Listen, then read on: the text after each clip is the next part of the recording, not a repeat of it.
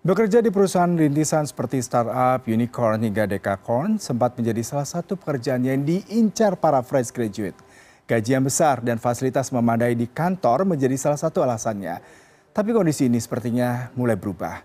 Hal ini ditandai dengan semakin banyaknya perusahaan startup yang melakukan PHK dan sudah bersama saya melalui sambungan Zoom Profesor Renal Kasari, Guru Besar Fakultas Ekonomi dan Bisnis Universitas Indonesia, sekaligus founder Rumah Perubahan. Selamat pagi Prof.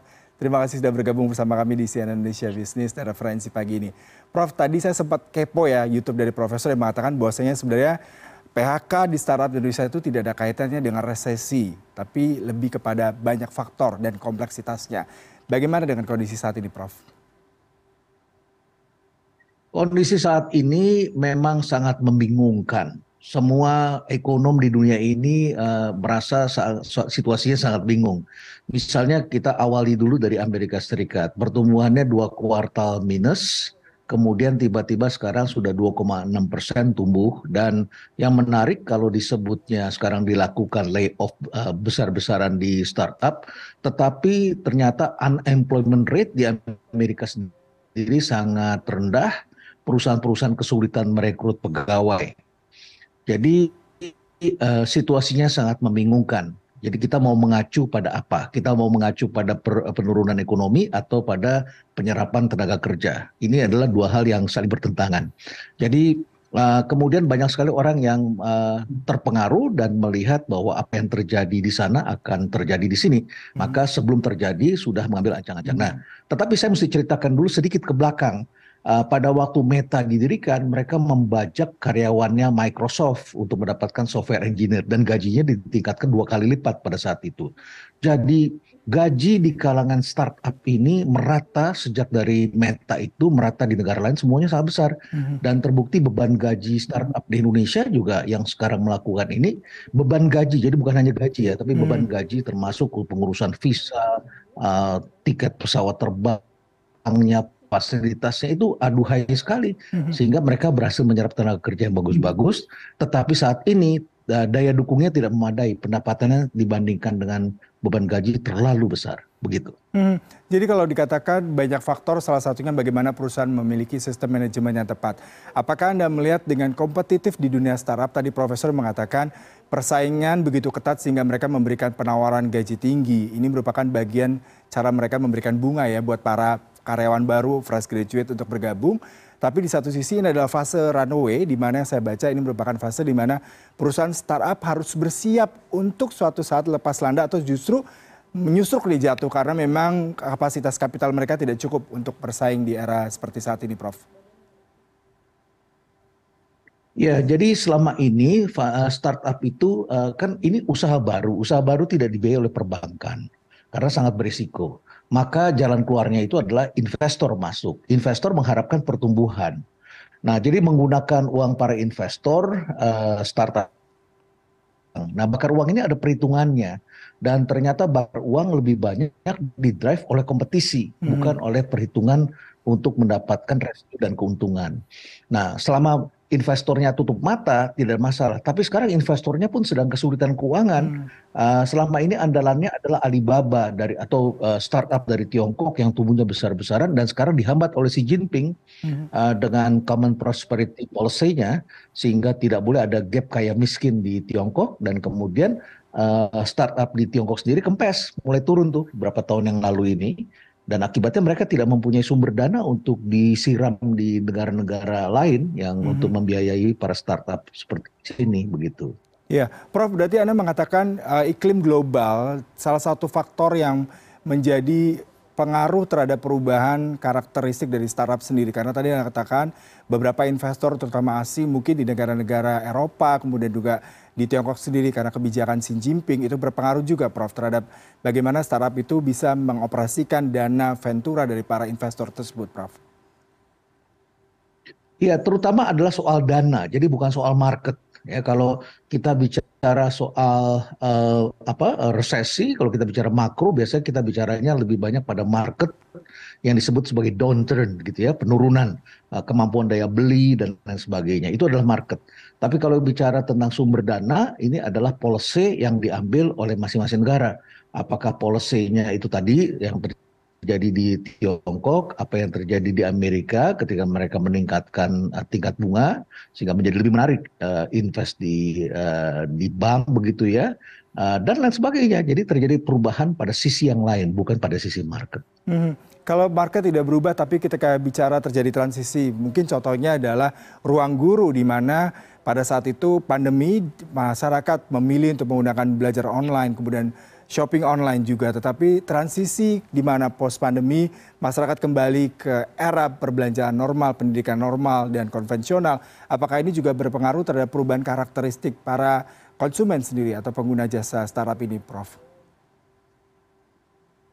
Iya, saya kira kalau ruang guru ini sangat spesifik. Uh, pertama adalah mereka memanfaatkan kartu prakerja. Ya, jadi negara memang uh, memerlukan itu karena banyak sekali orang yang perlu untuk dunia kerja ke depan.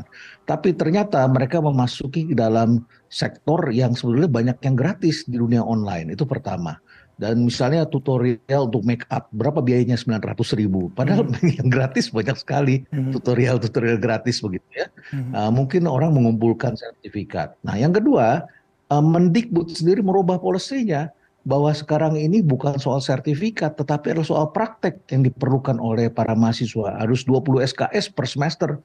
Para siswa tadinya hanya mahasiswa sekarang juga pada siswa SMA harus juga praktek.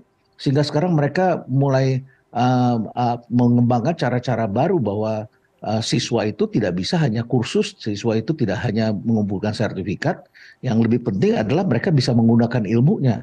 Uh, demikian pula kursus untuk persiapan diterima di perguruan tinggi. Sekarang ujian masuk perguruan tinggi sudah tidak seperti dulu. Mm -hmm. Jadi dengan demikian model bisnis ruang guru ini menjadi masalah, menjadi tidak cocok begitu ya uh, dengan tuntutan zaman. Jadi berbeda dengan persoalan di Goto saya kira. Hmm. Kemudian kalau kita bicara mengenai Goto, kemudian startup lain, sistem online shopping, Shopee salah satunya, kemudian juga beberapa ya. yang lain yang menggunakan sistem online seperti ini. Kalau Prof melihat apakah memang ada metode yang salah dalam uh, menerapkan model bisnis seperti ini, atau kata tadi ada pertimbangan mereka tidak tidak memikirkan kapan mereka bisa memberikan revenue kepada investor karena mereka hanya mengandalkan bisnis ini dari para investor, Prof secara alami suatu perusahaan tumbuhnya sangat cepat. Harus diakui bahwa startup ini memang dipompa untuk tumbuh lari kencang dan cepat sekali. Nah, ketika mereka uh, mulai dibangun, itu strateginya adalah membesarkan batangnya, hmm. uh, ibarat pohon begitu ya, hmm. uh, batangnya dibesarkan dan kemudian da akhir karena disiram terus uh, jadi hijau, daunnya banyak keluar. Padahal supaya berbuah, kan tujuan kita menanam pohon itu supaya berbuah. Supaya berbuah itu daun tidak boleh terlalu banyak. Jadi daun harus dipapras, cabang harus dikurangi, sehingga strateginya disebut trimming. Trimming itu artinya adalah pada saat kita lagi tumbuh, kita punya kecenderungan merekrut orang lebih banyak, mempunyai kantor lebih luas daripada seharusnya, membeli perabotan dan kemewahan lebih daripada yang sebenarnya. Mobil mewah, penginapan, fasilitas buat karyawan, aduhai semua kita berikan. Nah, hmm. ketika kita mengharapkan buah, pohon itu harus dan ketika dipapras maka mau tidak mau harus ada uh, orang dikurangi, diganti dengan AI dan jangan lupa ada yang permanent loss bukan karena terkait dengan gejolak ekonomi global karena ada pekerjaan-pekerjaan tertentu yang sudah kita bisa baca dari lima tahun yang lalu itu akan digantikan oleh AI dan robotik. Hmm. Jadi banyak pekerjaan yang sangat mungkin untuk di save. Nah saat seperti sekarang ini ada insentif bagi bagi pemilik uang untuk menekan perusahaan yang sudah dibiayai dengan mengatakan it's time to trim. Jadi kalian harus lebih efisien. Nah, nanti pada tahapannya harus lebih sehat atau dia mati. Jadi terjadi seleksi alam. Nah, apakah juga terjadi di Shopee? Sangat mungkin terjadi di sana. Sangat mungkin juga terjadi di tempat yang lain. Tergantung struktur penggajiannya saja. Kalau mereka berfoya-foya, saatnya mereka harus membersihkan lemak-lemak itu. Hmm, berarti seharusnya dari awal para pengusaha bergerak di bidang startup sudah bisa memperkirakan bisnis plan yang efisien, kemudian juga bagaimana mereka bisa melakukan efisiensi gaji karyawan, kemudian beberapa hal yang sifatnya tidak terlalu substansial. Tetapi kenapa itu tetap dijalankan, Prof, dan akhirnya sekarang banyak juga startup yang akhirnya gulung tikar, Prof? Uh, sebetulnya ini adalah saling memanfaatkan dan saling menikmati. Kita ketahui bahwa sekarang siapa pemilik startup? Uh, pemilik startup sudah bukan lagi yang original. Mereka berbagi peran karena uh, di samping ada founder, ada lagi pemilik dana. Dan pemilik dana itu sangat kuat sekali pengaruhnya karena mereka yang menentukan apakah uangnya mau taruh di situ atau tidak. Nah, pemilik uang menaruh orang-orang lagi yang diambil dari dunia internasional yang juga ingin menikmati. Jadi mereka ingin mendapatkan fasilitas yang lebih baik untuk bisa menikmati.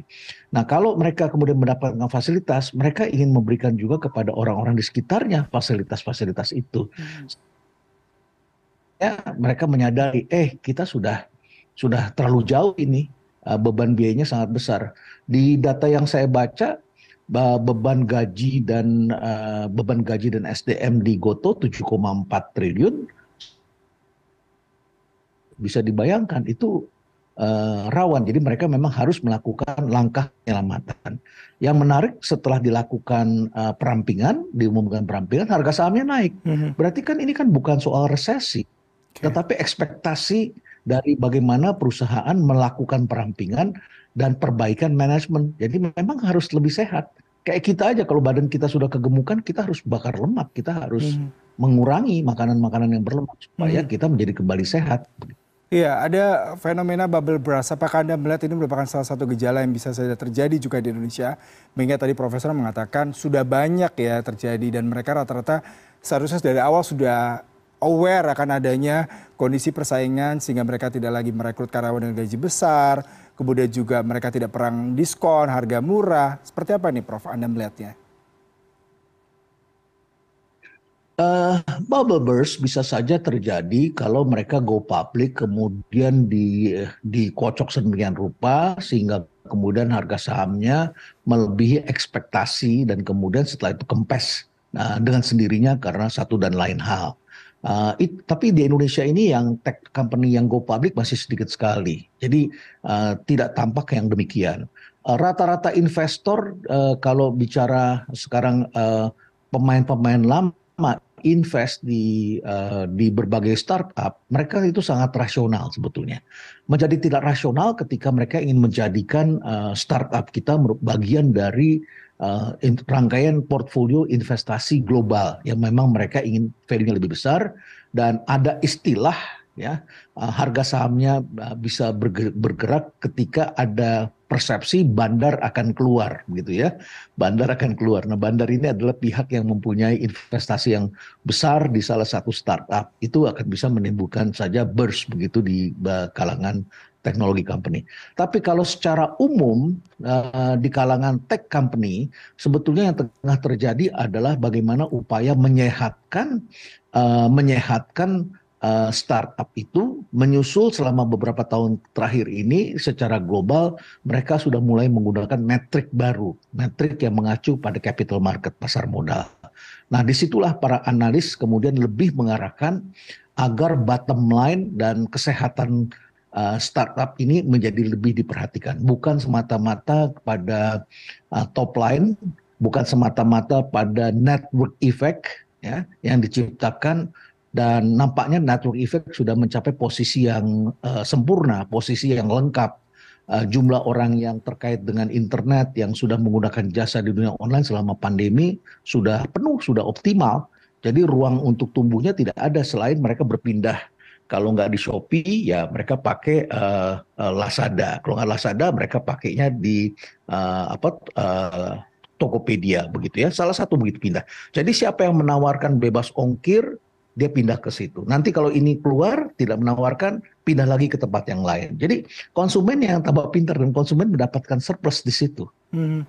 Iya Prof, kalau Anda tadi memberikan sedikit ilustrasi bahwasanya networking sudah begitu padat, kemudian juga adanya sistem investasi yang pastinya akan bergeser, di mana tadi kue yang ada sudah sangat terbatas dan persaingan begitu ketat. Apakah ke depannya investor akan memikirkan metode investasi baru yang pastinya lebih menguntungkan mengingat investasi di startup yang tadinya diharapkan memberikan cuan dalam waktu dekat ternyata justru malah ambiar nih Prof? Ya, saya kira akan kembali ke metode yang lebih konvensional. Jadi uh, selama ini uh, itu adalah metode yang digunakan untuk membuat dia tumbuh. Nah sekarang sudah tahap pertumbuhannya sudah selesai, mulai menjadi anak dewasa, maka tuntutannya sudah berbeda, akan diperlakukan seperti perhitungan konvensional dan mereka sudah berada di dunia uh, dunia yang uh, untuk mendapatkan dana dari publik dan publik juga ingin mendapatkan keuntungan. Jadi kalau tidak kalau hanya mengandalkan uh, gegap gempita dari top line, saya kira uh, investor tidak akan mendapat keuntungan, terutama adalah investor publik yang retail ya. Itu mereka akan menginginkan terjadinya uh, bottom line yang lebih sehat. Dan tentu saja investasi yang yang lebih berjangka panjang. Jadi uh, akan beralih ke metode yang lebih konvensional ya, yang selama ini terabaikan. Uh, dulu raportnya merah tidak apa-apa, yang penting network effect-nya meningkat. Nah sekarang network effect-nya sudah penuh, mau meningkat apa lagi? Maka sekarang mulai kembali ke pendekatan yang lebih konvensional. Baik, terakhir ini Prof, apa saran Anda untuk para pengusaha startup yang saat ini kembali berusaha untuk tetap lepas landas dengan tadi perampingan karyawan, efisiensi anggaran, kemudian juga tidak lagi perang tarif dan menggunakan sistem jor-joran untuk mendapatkan atensi para publik ataupun para user dan buyer sendiri? Saya kira yang pertama stop menyalahkan keadaan di luar sana ya. Jadi stop mencari kambing hitam. Jadi kembali kepada bagaimana uh, mengelola dengan baik satu satu lembaga. Yang kedua be objektif uh, dalam melihat angka-angka. Jadi kita harus melakukan analisis di dalam dan melihat lemak-lemak itu adanya di mana. Kalau itu lemaknya adanya di dalam struktur beban biaya gaji dan sebagainya kita perbaiki di situ dan cari cara lain yang sifatnya adalah pay for performance. Jadi benar-benar dikaitkan dengan performance karena sekarang istilahnya namanya banyak quitting bekerja di satu organisasi uh, menikmati bayaran yang bagus tetapi tidak memberikan kontribusi dan effort seperti uh, layaknya yang berada pada posisi-posisi yang penting. Yang ketiga, gunakan teknologi uh, sebagaimana mestinya. Karena di saat ini banyak sekali orang yang berada pada dunia teknologi tetapi berkantor jor-joran di daerah yang mahal. Padahal mereka tidak memerlukan itu. Mereka memerlukan status, mereka memerlukan impresi bahwa mereka mempunyai kantor yang mewah, yang mahal, uh, tetapi sebetulnya uh, struktur biaya mereka melebihi daripada kemampuan mereka untuk mendapatkan pendapatan. Jadi, be objektif, lakukan analisis, selamatkan perusahaan bahwa masa depan itu uh, tantangannya bukan pada impresi dari talent, tetapi adalah impresi dari investor, dari konsumen dan dari beragam uh, pihak yang berhubungan dengan kita. Baik, Profesor Renan Kasali, terima kasih untuk waktu perbincangannya bersama kami. Selamat pagi, Prof.